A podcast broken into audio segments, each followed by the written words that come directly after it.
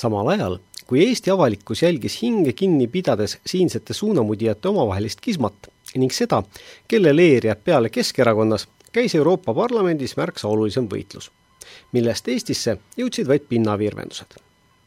kolmapäeval võeti Strasbourgis üsna napi häälteenamusega vastu looduse taastamise määrus, mis on üks rohepöörde olulisemaid vundamendikive.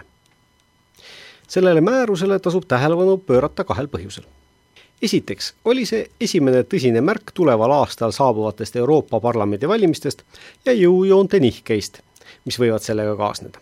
oli hästi teada, et rohepöördele seisavad vastu paremäärmuslased, keda Eestist esindab Euroopa Parlamendi identiteedi ja demokraatia fraktsioonis EKRE liige Jaak Madisson sel kevadel pöördus looduse taastamise määruse vastu aga otsustavalt ka parlamendi suurim fraktsioon, EPP, kuhu Eestis kuulub isamaalane Riho Terras ootamatu suunamuutuse taga on ilmselt EPP ja sellesse kuuluvate parteide soov kasutada nii kohalikel kui Europarlamendi valimistel ära rohepöörde vastaseid meeleolusid, millele seni on rõhunud eelkõige radikaalsemad poliitjõud.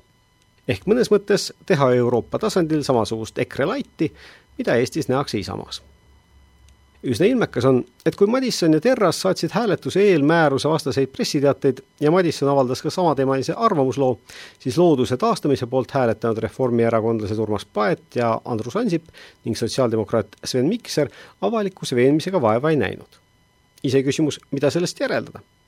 ons liberaalid lihtsalt laisemad, ei pea nad seda teemat häälte kogumisel oluliseks või hoopis püüavad meelega varju jääda, et mitte vastuhääli teenida nüüd, mil rohepööre jõuab ilusast ideest tihti üsna raskete reaalsete sammudeni, tuleb vastuseisu sellele kindlasti rohkem kui seni. mõelgem kas või, milline sõda käib Eestis automaksu ümber.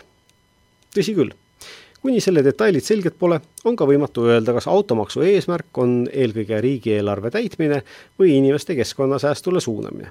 kuid üsna sageli jääb vastuargumentides kõlama just rohepöörde vajalikkuse eitamine umbes nii, et minu õigus sõita reostava autoga kaalub vähimagi vaevata üles inimkonna õiguse puhtale elukeskkonnale üle kaheksakümne protsendi elupaikade olukorrast on Euroopas halb. kõnealuse määruse eesmärk on viia nad hiljemalt kahe tuhande viiekümnendaks aastaks heasse seisu ja tuua loodus tagasi kõikidesse ökosüsteemidesse, see tähendab ka majandusmetsa, põllule ja linnadesse plaani vastaste peamiseks väiteks on, et kui palgipõllu asemel tahetakse näha liigirikkamat metsa ja osa puidust peab isegi maha mädanema jääma, väheneb omaniku kasum.